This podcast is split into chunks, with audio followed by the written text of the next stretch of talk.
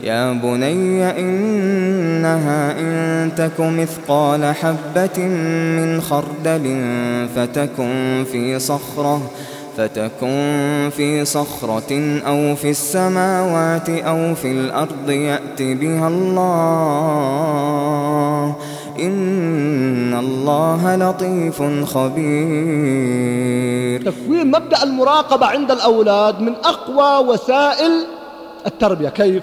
من الأخطاء التي يقع فيها الآباء أنهم يركزون على أبنائهم ألا يخطئوا أمامهم ولكن يخطئون إذا غابوا. مثلا أذكر أن بعض الآباء يقول إذا كنت موجود يصلي أولادي إذا غبت ما يصلي أولاده. هذا خطأ في التربية لأنه لو أشعرهم أن الصلاة لله وليست له لما تغيرت الحال. بعض الآباء أبناء أمامه لا يفعلون شيء لكن إذا غاب آذوا البيت وقد يؤذون الحارة والجيران. هذا خطأ. تقوية مبدأ المراقبة من الله جل وعلا كما في قصة لقمان وبالمناسبة أحيلكم على قصة لقمان من أجل دراستها فهي قصة عظيمة فيها من الآداب ووسائل التربية التي لا تخفى.